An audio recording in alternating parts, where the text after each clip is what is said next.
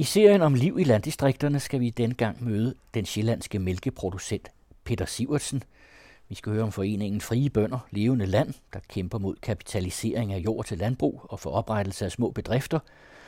Etnologen Rasmus Blæde taler om behov for generel nystart i landbruget, og Leif Bak Jørgensen fra det økologiske råd taler om scenarier for udvikling i flere spor. Lige snart at græsset øh, bliver lidt mere kedeligt, så kommer de selv ind. Så er der sådan set kører ud her fra klokken 4 om morgenen til klokken 9 om aftenen, eller hvornår det nu bliver mørkt, så kommer de sidste ikke ind før. Øh, fordi de går ind midt på dagen, så lader vi dem simpelthen bare, jamen så bliver de tvunget ud. Så der kører ud hele tiden. Og, og så risikoen for, at de øh, dødbider græsset er ikke ret stor, fordi det smager ikke lige så godt. Så vil det, så er det mere, så skal de have mad herinde, og så kan de gå og hvile udenfor. Så går de ud og hvile udenfor. Det vil de gerne. Så vil de gerne ud både morgen og aften. Så, så forlænger vi adgangen til at komme ud. Men her, hvor, der, hvor græsset er super godt, de henter over halvdelen af deres foder derude lige nu. Det henter de selv, men det skal de altså ikke have ret mange timer til. Og de må ikke gå og skide på, på græsset, for så vil de ikke æde det. Så det er sådan en balancegang. To tredjedele af jorden i Danmark bruger vi pt. til landbrug, og primært til fødevarer. Siden midten af 1800-tallet begyndte danske landbrugfamilier at specialisere sig på produktion af mælk, smør, ost og kød, især svinekød. Siden Danmark blev medlem af EU i 1972, EF som det hed dengang, har landbruget fået økonomisk bistand. I dag er tilskuddet oppe på ca. 10 milliarder om året. Men støtten omfatter også forskning. Landbrugsøkonomi har det imidlertid langt fra godt. Det danske landbrug har længe fokuseret på at producere råvarer, som sælges i meget store mængder, men til lave priser. Det samme gælder producenter af kaffe og kakao i andre dele af verden. Priserne kan være så lave, at producenterne har svært ved at leve af deres virksomhed, og mange i Danmark er på grænsen til falit. Landbruget er ved at vælte. Den anden radio har besøgt en økologisk mælkeproducent på Sjælland, Peter Siversen, og han har en rimelig økonomi. Han ved noget om, hvad det kræver for at få en bedrift til at lykkes. Man skal jo ikke starte, hvis ikke man har lyst til det. Det er uanset, om man skal have svinproducent eller mælkeproducent eller planteavl, man skal lave det, man har lyst til, og ikke hvad man bare tror at giver penge på. Hvis ikke man har lyst til at arbejde med, så får man ikke noget af det. Sådan er det jo med stort set alle job jo. At det gavner jo, at man har interessen. Så en, en meget dygtig planter vil ikke sige, at han vil blive en god mælkeproducent eller en god svinproducent. For hvis det er sådan noget, ah, jeg har egentlig ikke lyst til det der, så springer man over gaden og så får man ikke noget af det. Det er hård business. Og lige nu går det rigtig godt med at sælge økologisk svinekød. I 2014 blev der slagtet ca. 19 millioner svin i Danmark og eksporteret andre 11 millioner levende grise, hvoraf de allerfleste var smågrise til opfedning. Det konventionelle slagtesvin har en vægt på ca. 100 kg og sælges til en pris på kun ca. 900 kroner. Det økologiske svin derimod kan sælges til en pris af ca. 2.000 kroner. Så hvorfor er der ikke flere konventionelle svineproducenter, som lægger produktionen om? Er du en svineproducent, og du har gæld for 30 millioner i nogle stalle, som så lige pludselig er værdiløse, det får du ikke lov til at banke. Selvom han kunne have nok så meget lyst. Du får ikke lov. De kan slagte meget billigere i Tyskland, og det gør simpelthen, at smågrisprisen, de bliver, ja, smågrisen bliver eksporteret. Øh, og der, der er meget mere arbejde ved at have søer, og på den måde større mulighed for større indtjening. Så derfor ryger mange af smågrisene ud af landet. For der, der er mange søer her omkring, faktisk. Øh, men generelt på Sjælland er der jo ikke lige så mange. Og det er jo en gammel historie med, at jorden er bedre herovre. Øh, så man havde større udbytter. Men så mælken er jo i Sønderjylland, hvor deres alternative afgrøde, den er, det er græs. Altså, og de, de, de kan ikke, på mange arealer er det, der giver bedst, det er græs. Og så hvorfor så ikke lave mælk? Øh, og der, der er vi jo lidt handicappede. Hvis man så laver mælk herover, jamen, så kan man bare dyrke majs i stedet for. For det er vi lige så gode til som dem, eller måske endda bedre, eller vores vejrforhold er. Det gør vi så bare ikke som økologer, for vi er nødt til at have kløvergræs inde som motor i hele sædskiftet, for det er det, der gør, at vi får nogle gode kornmarker også. Og vi skal have lige af kornmarker ind, for kløver kan ikke gro hvert år. Man kan ikke bare have kløvergræs efter kløvergræs, så halverer man udbyttet. En konventionel foderplan, den er, den er gul, som man siger. De dyrker meget majs og en lille bitte smule græs. Og økologerne øh, fra en side af dyrker meget græs, og nogle dyrker så lidt majs, men aldrig meget majs. Og det er det, der gør forskellen blandt andet på økomælk og konventionelmælk, at der faktisk er måske er flere omega-3 fedtsyre i økomælken, og det er ene alene, fordi man dyrker græs kontra majs. Bare ved afgrødevalg alene er bevisligt, at det giver nogle flere omega-3 fedtsyre, som er de sunde, som er godt for immunforsvaret. Kan man smage forskel? Ja, man, man, der er nogen, der siger, at man kan smage forskel på mælken, om det er en majsmælk eller det er en, en græsmælk. Peter Sivertsen har mælkeautomat på gården, hvor man kan købe helt friskmælket mælk. Men det meste mælk afsætter han til mejeriselskabet Arla. Der er sådan lidt forskellige farver på dem, og, og nogle er brune. Ja, men der er kun én race her, og den er 100% rød dansk mælkerace. Men rød dansk mælkerace, det er jo en, en race, der er sammensat af forskellige røde racer. Fordi der er ca. 30.000 røde køer i Danmark, og det er altså ikke nok til at drive avl på, hvis man vil undgå indavl. Så vi skal have nogle flere dyr, og der har man så åbnet op for den, den svenske race, den SRB, og de er. Og vi har brugt øh, amerikansk kronvæg. Man kan gå tilbage, da jeg var dreng her på gården, og vi havde røde køer. De malkede rigtig meget mælk i forhold til andre raser. De havde en flot lige ryg. De kunne ikke føde deres kalve. Og yveret hang ind af jorden, det så man ikke på. Og øh, det var ikke særlig smart. Og vi skulle sidde fire mænd og trække kald ud af dem. Og så begyndte både Jersey, som er vores konkurrent, og de sortbrøde, og kryds. Det har man bare ikke kunne se, for det er nogle krydse med nogen, der havde samme farve. Men hvis man kigger på de dyr, de er ændret meget mere i fason, og det blev en helt anden ko. Den røde har faktisk lidt af det samme tilbage. Men vi har fået hæve øvret på den også, så den har, og den har nemt ved at kælve. Har meget stærke ben, så øh, den giver lidt mindre mælk. Det var en af omkostningerne ved at krydse. Så vi er, vi er ikke den højstydende race mere. Det er de Torborg. De giver meget mere mælk end vores. Vores køer, som vejer 100 kg mindre, de giver altså lige så mange kødindtægter. Fordi de, de, der er noget bedre kød på. Ikke? Altså, så der er fordele og ulemper. Og forskellen de tre racer imellem rent økonomisk, den er øh, mindre end manden. Manden gør større forskel end racen. Så hvis man er glad for den, man har, så skal man bare blive ved det. Man kan også krydse dem alle tre. Men det er, at de ikke kunne kælve, øh, og det var, ikke... Jamen, det var, var det bare noget, man havde avlet, eller? Jamen det var bare fordi, man ikke har fokuseret på, at der skulle være plads i bækkene til at føde en kalv jo. Man, man fokuserede kun på ydelse. Ydelse, og så den lige havde rigtig flot lige ryg, så den var pæn på dyrskuddet. Ikke? Det var det med avlsfolkene, de fokuserede på i 50'erne. Og så endte man op med en ko, der gav en masse mælk. Men øh, hvis man skulle sidde fire mand, den var nok lidt øm bagefter sådan en fødsel. Og den var måske lidt sværere til at komme op og få passet sin kalv, eller begynde at spise og sådan noget. I dag, hvor de 95% af dem kælver selv, jamen de føder jo en kalv, og når de har født en kalv, så skal de skynde sig op og slække den ren, og hen og æde noget, og ja, mælken vælter ud af den med det samme. Så under 50% af vægten, når vi vælger dyr til avl, det er mælk, eller ydelse. Vi, det er mange andre ting, der bliver vægtet. At den har nogle ben, den kan gå på, at den selv kan føde sin kalve, at den øh, sund, er lidt sundere end gennemsnittet. Det vægter altså til sammen over halvdelen af vægten. Vi skal stadigvæk have lidt vægt på ydelse, men det er ikke, øh, det er ikke først prioriteten. De andre ting, ja, vi, genetisk er vi nået så langt, så altså, der er mange andre ting, der, der sætter en grænse, og det er lige så vigtigt at avle på dem. Fordi hvis den, hvis man rammer plet med alle de andre ting, jamen så er de alle mine kører genetisk gearet til at næsten give det dobbelte mælk af, hvad de gør. Det, det kan de sagtens. Hvordan kan det være, at du ikke har valgt Jersey? Det er, fordi nu var der røde køer her på gården. Hvis jeg skulle starte forfra, jamen det kan da godt være, jeg, man, man kan have lidt flere køer.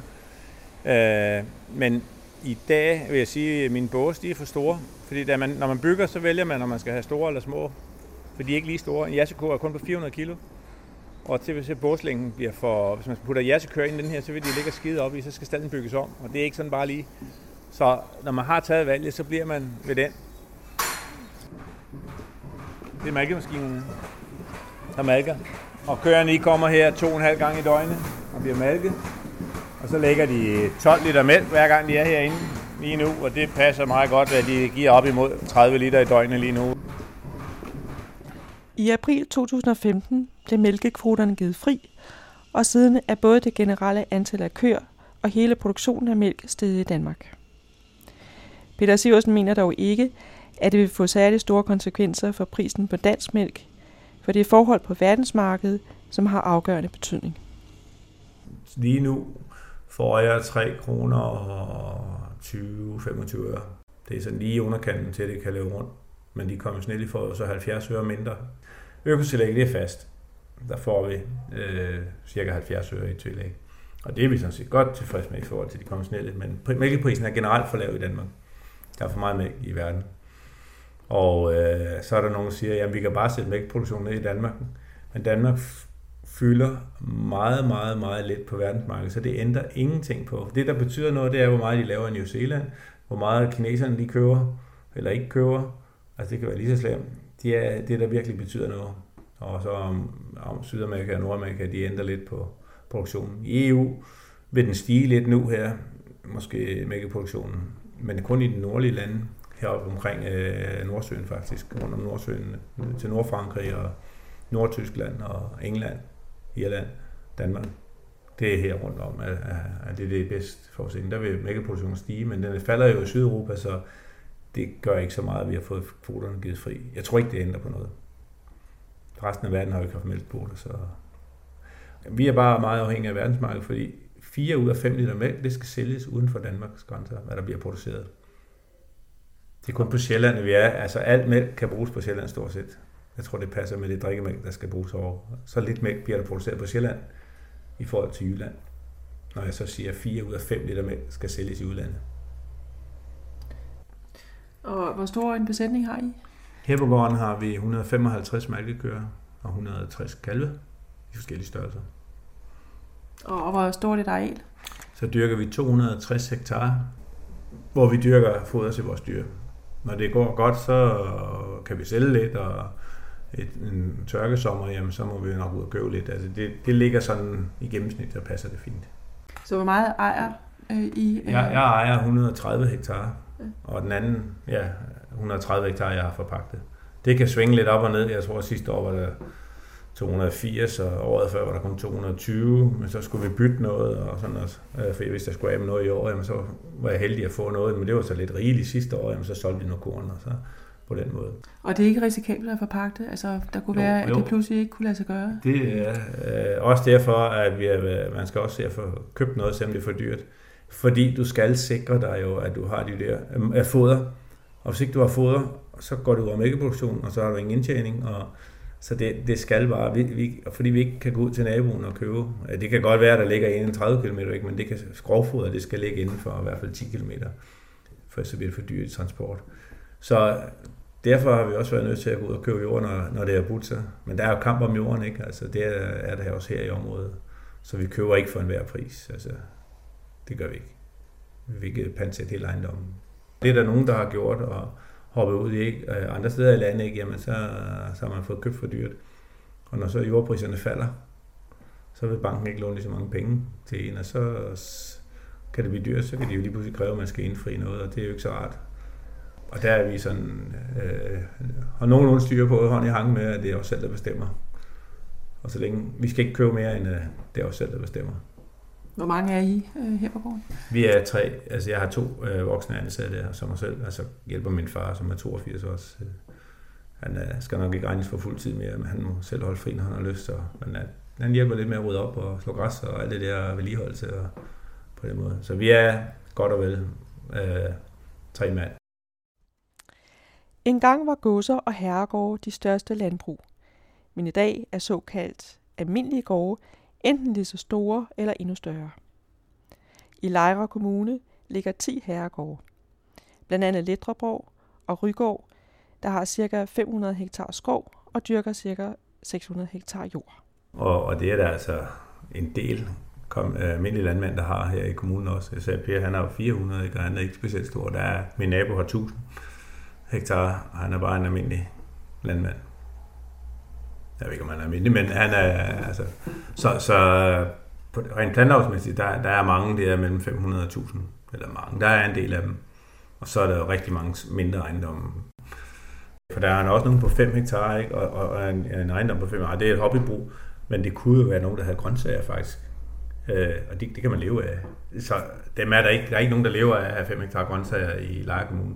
Jeg kender flere, hvor de har 2 hektar, og det er den ene indkomst. Altså, de kan simpelthen omsætte så meget på så lidt øh, areal, når det er specialområder.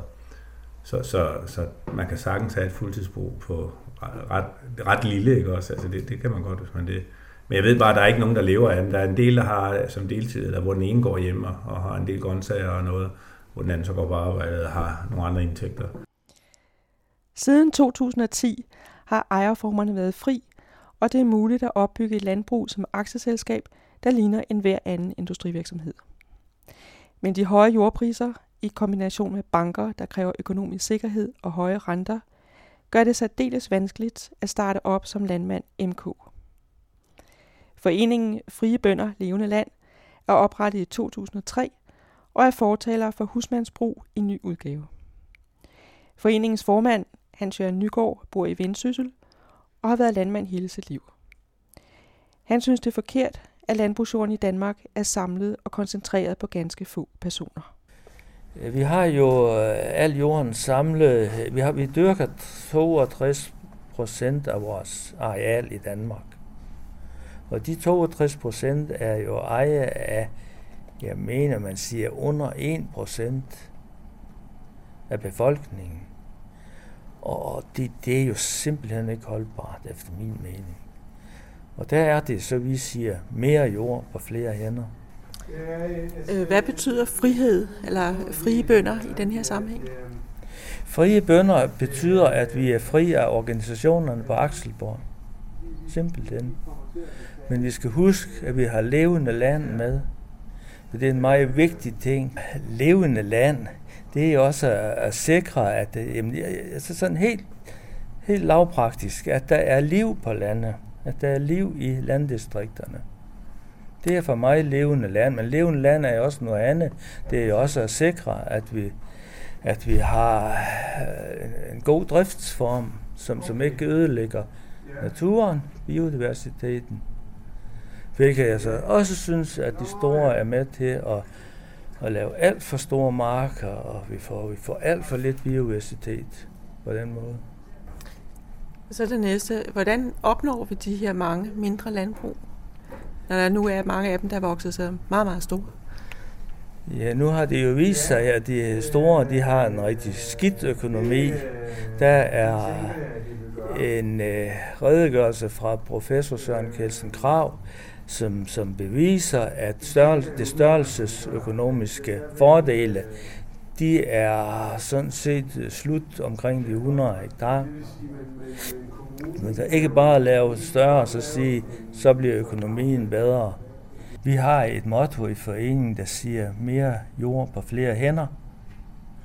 Og vi mener, for en, altså små landbrug er, er meget mere værd for, for det omgivende samfund ude i landsbyerne og i det hele taget i landdistrikterne, end de store industrialiserede brug er, for de er med til at affolke landdistrikterne. Jo flere små vi kan have, øh, jo flere er der engageret, og jo bedre får vi også befolkningens accept af det, vi laver. Fordi øh, jeg synes, øh, det er meget uheldigt, når landbruget har udviklet sig til en, form, som, som, som faktisk de fleste mennesker i befolkningen ikke billiger, altså ikke synes er i orden. Og et landbrug, der ikke har befolkningen med, har ingen fremtid. Hvad, hvad er små landbrug arealmæssigt? I, i vores øh, terminologi, der er det helt ned fra, fra den store have og, og til, skal vi sige, ja, måske 100 hektar. Øh, det er jo ikke så vigtigt endda med, med, med det kommer jo meget an på, altså om det er rigtig super god jord, om det er jord med overdrevet naturarealer, så, så kan vi hurtigt løbe op i, i nogle større størrelser. Ja. ja, for en gård på 100 hektar, det var en proprietær gård engang, ikke? Det er fuldstændig rigtigt, ja. Men øh, vi kan jo ikke ændre på det skridt, der er sket nu, hvor, hvor vi taler om 1000 hektar på selv økologiske brug, hvad jeg ikke bryder mig om. Jeg synes, det er forkert at samle også i økologien synes jeg også, det er forkert at samle 700-1000 køer på en ejendom.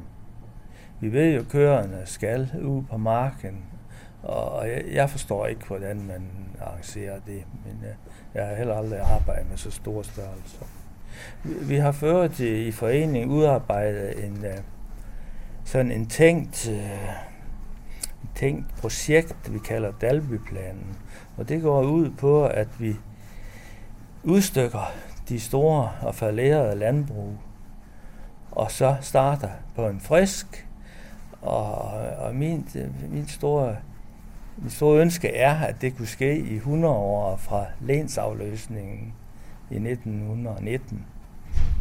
Så synes jeg, at vi har nået rigtig langt, hvis vi bare kan få begyndt. Er det så staten, der skal udstykke? Vi øh, forestiller os, at man kunne måske oprette en statslig jordbrugerfond, så måske kunne det være som forpagtning, som ja, jordleje, så er vi over i retsstatsidéerne, men øh, det vil jeg ikke være afvisende for. Øh, jeg mener, øh, at det er forkert at satse på, at jord skal kapitaliseres, fordi vi har kun den samme jord, og den skal vi passe på, og det synes jeg heller ikke, vi gør. Og vi skal ikke kapitalisere den.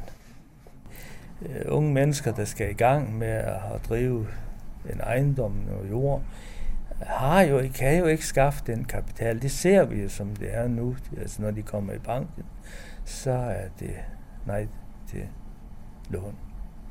Hvad koster en, en hektar sådan typisk i dag? Jeg har set i øh, området, hvor jeg kommer fra, i Nordjylland, at der er handlet jord til sådan lige i omegn af 100.000 nu. Det er så ejendommer, der har været på transaktion, som er solgt videre.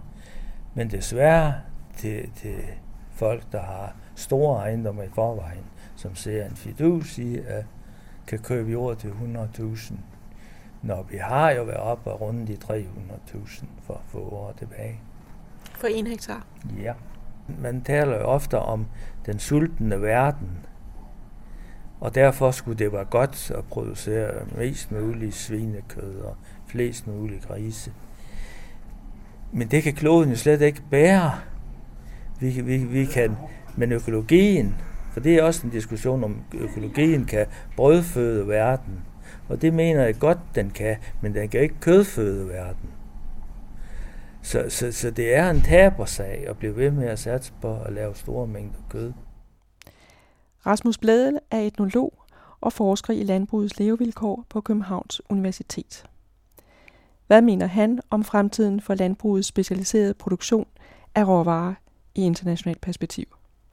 Det er jo ikke bare en organisationsform, det er jo også samfundets udvikling og Europas udvikling og verdens udvikling. Og, altså, I dag, når man snakker med en svinproducent eller en mælkeproducent, så øh, er hans afregningspris øh, for et kilo svinekød eller for en liter mælk afhængig af en mælkebørs på New Zealand, eller øh, at EU bliver gode venner med Rusland igen. Eller, altså, det, det er jo det er nogle faktorer og nogle dynamikker, som i dag er så komplicerede, at det er jo nærmest sådan lidt afmægtigt. Altså, hvordan søren...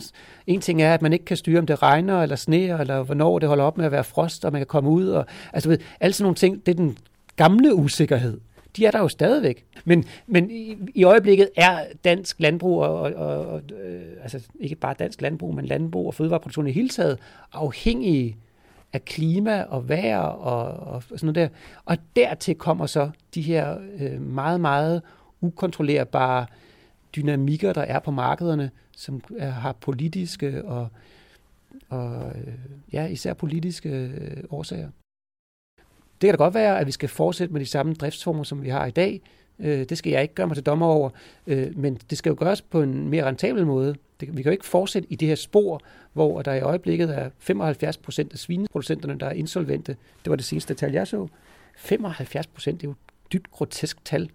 Øh, og så er der jo øh, et ukendt antal øh, mælkeproducenter, som balancerer på, på randen af konkurs. Det er jo en dybt uholdbar situation. Øh, men det har det til også været i mange år efterhånden. Så det, det bliver også, man kan også bare nogle gange lidt tage sig til hovedet og sige, det, det, det bliver sådan lidt, øh, det, det bliver sådan lidt øh, et ekko i skoven, at man siger, der er krise, og at det ikke holder, fordi det har åbenbart holdt i den her meget, meget uholdbare situation i snart en lang overrække. Jeg, jeg, jeg synes, at man retfærdigvis bør pege på, at der findes to visionære politiske dokumenter fra de sidste 10 år.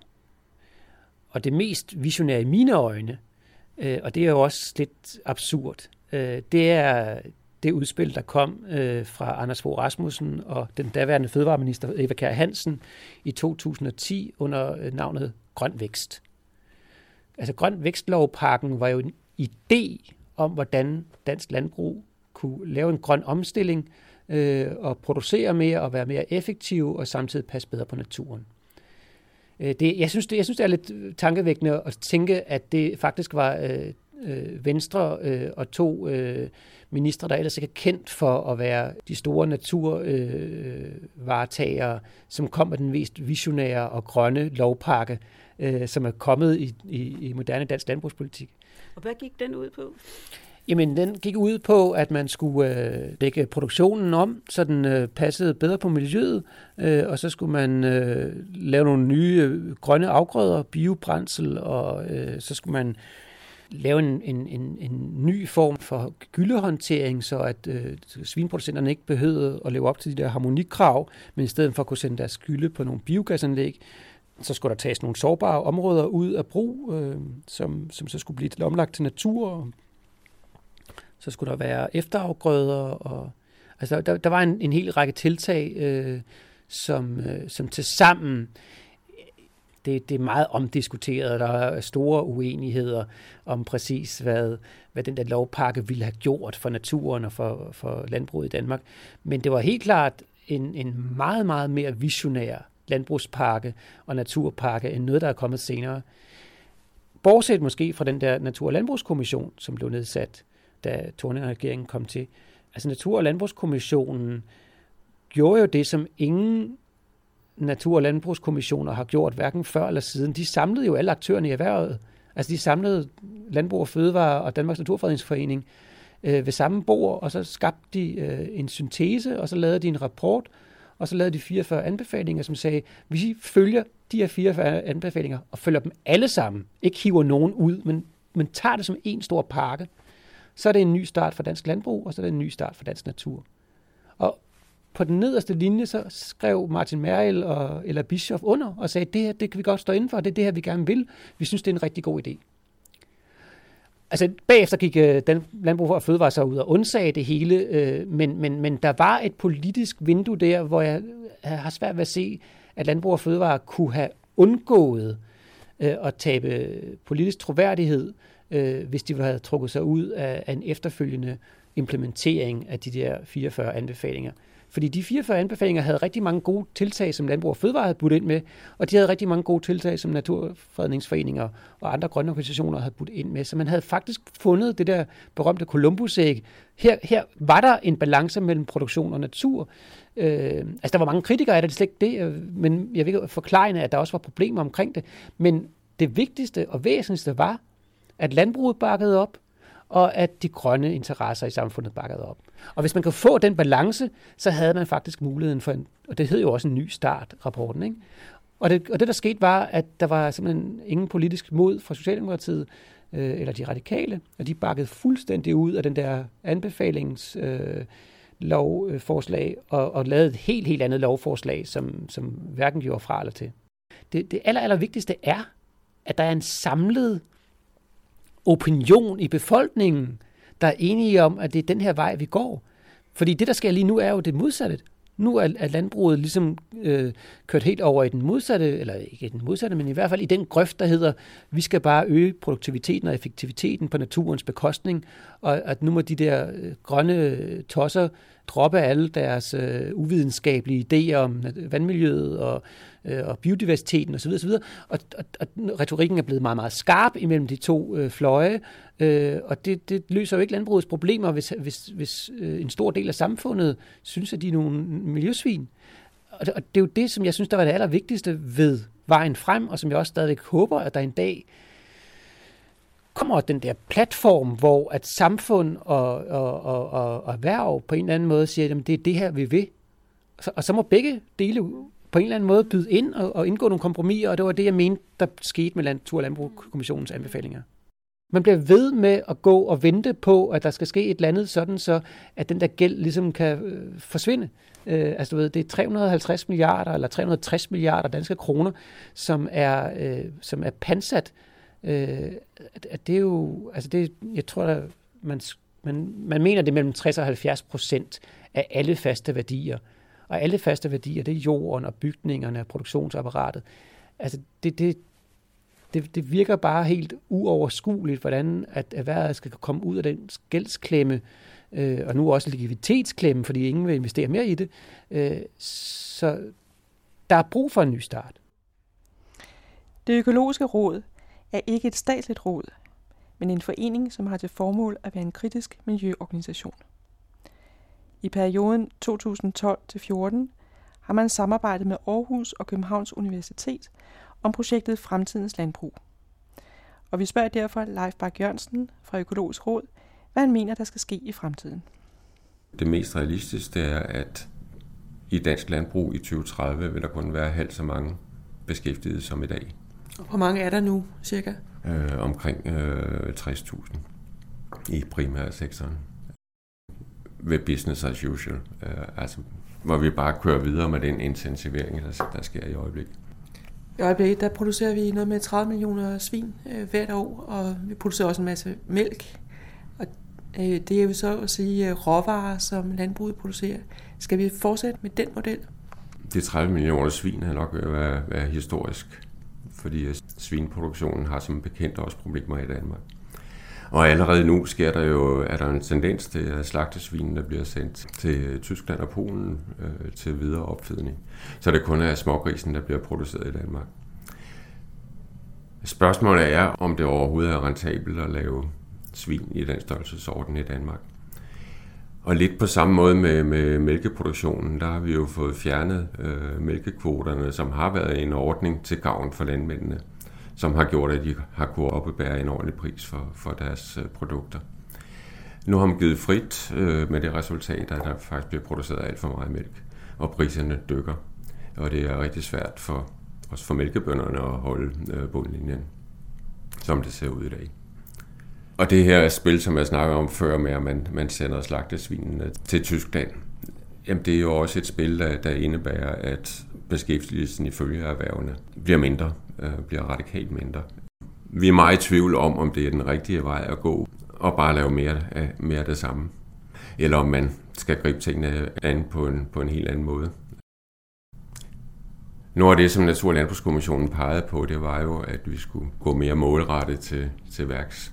Og det handler blandt andet om, at nogle af de jorder, de dårligste jorder, de, de jorder, hvor, hvor vi har det største tab af næringsstoffer fra, at de skal tages ud af den intensive drift. Og hvor ligger de jorder henne? De ligger typisk øh, i ådalene for eksempel, øh, lavbundsjorder. Så en, en tilgang, hvor, hvor man tager jord ud i ådalen og får skabt et netværk af, af korridorer, hvor, hvor, hvor arterne kan brede sig, hvor økologien kan være en del af svaret, hvor, hvor direkte salg til kunder kan være en anden del, hvor forarbejdning til pålæg, øh, øl, øh, pølser, øh, kan være med til at give, give landmanden en højere indtjening. Jeg tror, en satsning på højværdige produkter er, er rigtig vigtig for dansk landbrug, eller i hvert fald for en del af dansk landbrug. Og det vil nok også være en tilgang, hvor vi som samfund får mest ud af de penge, vi investerer i et, i, i et mere bæredygtigt landbrug. Der er også nogen, der vil sige, jamen øh, øh, Danmark skal bidrage til at brødføde verden, ikke bare at brødføde sig selv. Hvad siger I til det? Altså Danmark bidrager i høj grad til at brødføde verden. Danmark er, er et af de lande i verden, som har den bedste, øh, den bedste landbrugsjord. Og det udnytter vi, og det, det skal vi også fortsat udnytte, men ikke på bekostning af natur og miljø. Naturen sætter nogle rammer, og miljøet sætter nogle rammer, og de rammer skal vi respektere. Der er ingen, der siger, at vi skal producere 30 millioner svin i Danmark. Mange af de her svin vil jo lige så godt kunne produceres i Sydamerika, hvor sojaen, som jo alligevel er grundlaget for, for en stor del af svineproduktionen, øh, sker. Jamen så er der nogen, der siger, at det vil så give en højere miljøbelastning, fordi at miljøkravene er, er lavere. Jamen det må vi jo så arbejde for, at man internationalt set, øh, både i EU og, og, og globalt, får nogle rimelige øh, miljøkrav til, til de produktioner, der sker rundt omkring i verden. Det er en del af, af svaret. En anden del af svaret er, at øh, på den lange bane, hvis vi bliver de mange milliarder mennesker, som, som vi snakker om, hvis vi kommer op på de 10 milliarder øh, mennesker i verden, så så kan vi nok ikke tillade os at, at spise bøffer og, og, og rødt kød øh, i samme omfang, som, øh, som danskerne og amerikanerne gør i dag. At, så vil der være brug for øh, en anden fordeling af, af, af vores kalorier øh, og fordelingen mellem animalsk og, og, og vegetabilsk øh, føde. Og vi kan sagtens lave en diæt, som øh, kan være ganske fornuftig og velsmagende med, med lidt mindre kød, end, end vi bruger i dag. Vi mener ikke, at der er grund til at bekymre sig så meget om, at vi kan skabe mad nok. Det kan vi godt. Spørgsmålet er, hvordan den bliver fordelt, og hvordan den bliver fordelt på animalsk og vegetabilsk. Det er der kampen står. Måske er der også potentiale for nye afgrøder i Danmark, fordi klimaet bliver jo varmere. I hvert fald er der i øjeblikket meget snak om, at vi kan producere vores egen øh, proteinafgrøder. Det her med, at vi baserer vores, vores vinproduktion på, på soja fra, fra Sydamerika, og soja, som i mange tilfælde er dyrket med GMO øh, og på baggrund af Monsantos teknologier og sprøjtning. Og hvem er det, Monsanto er? Skal lyse? Jamen, det er dem, der, der, der producerer Roundup øh, sprøjtemidlet som et af vores mest brugte øh, sprøjtemidler, som jo er mistænkt for, at restproduktet glyfosat er kraftfremkaldende. Der kører en stor sag i EU på det i øjeblikket, hvor man diskuterer, om man overhovedet skal tillade brugen af Roundup for en ny periode, fordi at, at den tilladelse, der i øjeblikket udløber øh, nu og her, og hvor flere af vores nabolande faktisk har sagt nej til at forlænge den her frist. En meget spændende udvikling. Men det jeg vil sige, det er, at der er stærke kræfter, som arbejder på at, øh, at finde en dansk produktion af de proteiner, som der er brug for i svineproduktionen, som kan erstatte sojaimporten fra Sydamerika for eksempel. Og der kigger man både på at, at kunne dyrke hestebønder igen, finde nogle sorter, som er, er velegnet til, til dansk klima, og også med en udnyttelse af, af det varmere klima. Men man kigger også på øh, græs og kunne udnytte protein fra, fra græs, øh, kunne udtrække de dele af græsset, som øh, har den aminosyre sammensætning, som der er brug for øh, i proteinerne til svin for eksempel, og til, til fjerkræ. Og det ser rigtig lovende ud. Vi tror, der er nogle store potentialer i det, som også kan hænge rigtig godt sammen med vores budskab om, at jamen, vi er nødt til at lægge noget mere ud som, som græs i, i de sårbare områder. Det økologiske råd har i januar 2016 udgivet rapporten På vej mod et bæredygtigt landbrug.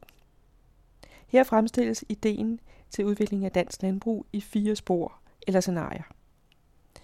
Det ene handler om højteknologisk landbrugsvirksomhed, et andet om at etablere få, men store bioraffinaderier til energifremstilling, et tredje handler om biodiversitet og rig natur, og et fjerde om at satse på økologisk fødevareproduktion. Leif Bak Jørgensen. Det ene af dem, det hedder By og Land, hvor vi satser på alle de goder, som, øh, som befolkningen i byerne øh, og i samfundet som sådan efterspørger. Det kan være adgang til at komme ud og se, hvordan vores fødevarer bliver produceret. Komme ud og se, hvordan hønen lever, hvordan grisen går. Komme ud og købe øh, grøntsagerne direkte. Vi har et andet scenarie, som fokuserer på natur og, og tager rigtig meget jord ud af, af, af omdrift ud af den, af den primære landbrugsproduktion og lægger mere vægt på, at vi skal opfylde biodiversitetsmålene. Det er ligesom de to scenarier, som går mest i en anden retning end den trend, der er i øjeblikket. Jeg kan også sige, at begge de her to scenarier opererer også meget med økologi, som en anden måde at drive landbrug på, øh, som kan løse nogle af de problemer, der er i, i landbrugsproduktionen. Men omlægning til økologi og omlægning til, til et mere bæredygtigt landbrug sker ikke over en nat. Og derfor har vi også ligesom sagt, at jamen, der vil også fortsat være et intensivt landbrug. Der vil fortsat være stor drift i dansk landbrug. Og hvad kan vi gøre ved det? På hvilke måder kan vi håndtere et intensivt landbrug og få det til at levere øh, en, en bæredygtig udvikling også? Og der har vi et øh, grønt vækstscenarie, som øh, meget tager fat med, med højteknologiske virkemidler, som landbruget øh, retfærdigvis sagt også meget har fat i allerede i dag. Man går videre af den vej og siger, jamen, hvor langt kan vi komme i forhold til at reducere tabet af næringsstoffer, reducere tabet af klimagasser, øh, reducere påvirkningen af, af, af natur og klima. Og vi har et fjerde scenarie, som går endnu længere, det, det biobaserede samfund, hvor vi ender at lave bioraffinaderier og kigger på hele ressourceudnyttelsen. Hvordan kan vi bedst muligt udnytte den biomasse, der bliver produceret i, i landbruget. Både i forhold til klima og i forhold til kemisk produktion. Fordi når vi har snakket bæredygtighed i de her scenarier, så er det både bæredygtighed i forhold til natur, klima, miljø, parametre, men også en, bæredygtig, en økonomisk bæredygtighed og en social bæredygtighed. Samfundsøkonomisk set er vi jo inde og, og bruge rigtig mange penge på allerede nu på landdistriktudvikling for eksempel. Øh, vi bruger rigtig mange penge på klimaplaner, vi bruger mange penge på vandmiljøplaner, naturplaner, skulle vi da meget gerne snart i gang med at bruge mange penge på os. Vores budskab er her, at vi skal prøve at se, øh, vi skal se lidt mere holistisk på det. Lad os prøve at koble de her ting sammen, og lad os prøve at finde nogle, nogle løsninger, hvor vi, hvor vi løser flere ting på én gang. Lad os prøve at finde de her synergier. Og der mener vi, udtagning af de sårbare jorder, øh, og en sådan målrette tilgang vil, vil være en rigtig god løsning. Ligger der nogle overvejelser bag, hvor øh, de forskellige former for produktion, de øh, egner sig bedst til i, i landet? Altså vi har nogle idéer om, om det her med ligesom at få taget nogle zoner ud omkring byerne, øh, som kan fokusere meget på de behov, som der er i bybefolkningen. For at kunne komme ud og begå sig i landbruget, for at det kan blive inddraget som en rekreativ zone omkring byerne, hvor man også kan cykle sig en tur. Og ellers, altså hvis vi er henne omkring scenariet med det biobaserede samfund, det var en meget centralistisk model, hvor, hvor, hvor der kun er plads til få af de her store enheder i, og raffinaderier i, i Danmark. Og ellers øh, mener vi jo, at vi skal fokusere meget på, jamen, hvorhen har vi de sårbare områder i forhold til natur og miljø, øh, og få ekstensiveret de steder, hvor der er brug for det. Så det også bliver natur og hydrologi og geografi, der er, der er med til at bestemme landbrugets udformning i, i fremtiden. Bæredygtighed er et ord, der bruges med meget forskelligt indhold. I økologisk sammenhæng taler man om, at landbrugsøkonomi, hvis den skal være bæredygtig, hænger tæt sammen med at udnytte naturressourcer forsigtigt og forsvarligt. Men hvordan skal man finansiere omlægningen til et anderledes landbrug? Det koster nogle ting at opnå en bæredygtighed. Øh, og der er vi jo så heldige, at inden for, for landbruget har vi øh, øh, støtteordningerne, EU-støtteordningerne. Og dansk landbrug får faktisk i dag allerede om, om, omkring 9 milliarder kroner om året. Vi har lavet nogle regnestykker, som viser, at for omkring mellem 2 og 3 milliarder om året ud af den her støtte på 9 milliarder, kunne vi frem til 2030-2050 faktisk nå frem til at have udtaget de jorder, der er nødvendige og, og have en bæredygtig produktion med hjælp af højteknologi og med hjælp af, af en mere ekstensiv drift på de arealer, hvor det er nødvendigt. Er der nogle ting, som regeringen har været lydhør overfor i forhold til øh, de anbefalinger, der ligger i den, den her rapport? Altså det, som de glemte, øh, og det, som de har gjort med landbrugspakken, det er, at de har vendt den på hovedet. Sådan så de starter med at lempe og tillader alle landmænd at gøde mere, inden man sætter gang i, i den målrettede regulering. Og det er sådan, så vi er ikke helt på plads med den målrettede regulering. Vi har faktisk ikke redskaberne og værktøjskassen til at kunne gå ud og lave den målrettede regulering, hverken i år eller næste år eller, eller året efter. Så det er først fra år 2019-2020, at vi kan påbegynde en målrettet regulering. Og når man så lemper på gødningsforbruget allerede nu, betyder det faktisk, at vi kommer til at tage nogle gevaldige skridt baglæns, og det kan blive meget, meget dyrt øh, at give køb på, på nogle af de gevinster, vi faktisk har hentet allerede nu. Fordi at vandområder og miljøet øh, reagerer meget langsomt øh, og har en, har en lang responstid og, og, og rigtig lang tid på at, at genoprette nogle gode økologiske og naturlige balancer øh, i vandområderne. Så det er vandområder. Er det også øh, grundvand, øh, som er, bliver udsat? Grundvandet bliver også udsat. Der har vi i virkeligheden ikke gjort så voldsomt meget i Danmark endnu. Øh, det er en af de ting, der kommer på dagsordenen i højere og højere grad i, i, i fremtiden, at vi også skal passe på vores grundvand. Og det kan sætte nogle, nogle yderligere begrænsninger i nogle af de steder, hvor vi har de sårbare grundvandsmagasiner, og hvor det kan blive nødvendigt med en, med en målrettet tilgang på de jorder, så vi både skal snakke sårbare jorder i forhold til overfladevand og i forhold til, til grundvand. Så der kommer helt klart en, en opgave i forhold til grundvandet også. De medvirkende var Peter Sivertsen, ejer af Mandrup Møllegård i Lejre Kommune, Hans Jørgen Nygaard, formand i Foreningen Frie Bønder, Levende Land, Rasmus Blædel, etnolog og forsker på Saxo Instituttet ved Københavns Universitet, og Leif Bak Jørgensen, fagkonsulent i det økologiske råd. Christina Grossmann Due og Bodil Grue havde tilrettelagt.